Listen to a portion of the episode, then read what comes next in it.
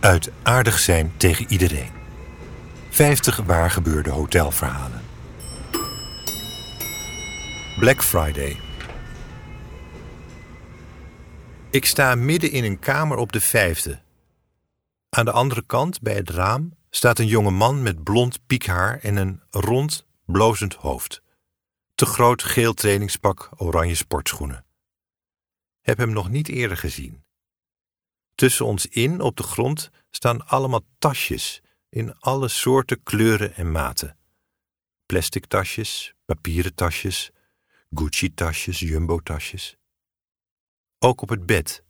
En als ik naar links kijk, ook in de badkamer. In ieder tasje zit iets. So this is it? vraag ik. It sure is, mate. And where is your suitcase, sir? Haven't got any. One moment. Ik pak de porto en vraag of er even iemand kan komen.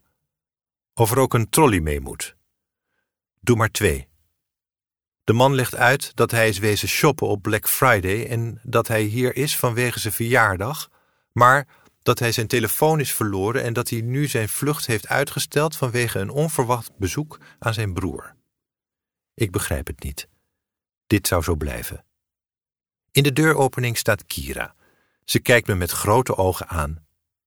Ik zeg: laten we maar doen of het heel gewoon is. Dat is goed, zegt Kira. Terwijl de man doorpraat over een familiebedrijf in het oosten, beginnen we met rapen. Alles moet eruit.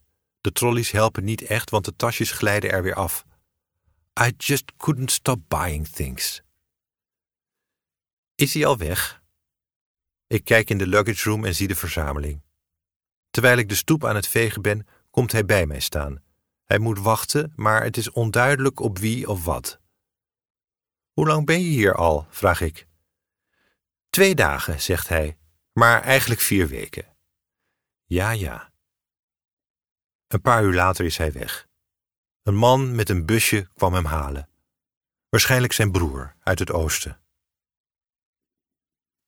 Met Charlotte alle fietsen op een rij gezet. Charlotte houdt van overzicht, lijstjes en stapels. Daar wordt ze rustig van. Aan oneven getallen heeft ze een hekel. Van bijvoorbeeld drie aardappelen op haar bord wordt ze nerveus. Vind je dat raar? vraagt ze, terwijl we de fietsen niet alleen in een rij, maar tegelijk ook op nummer zetten.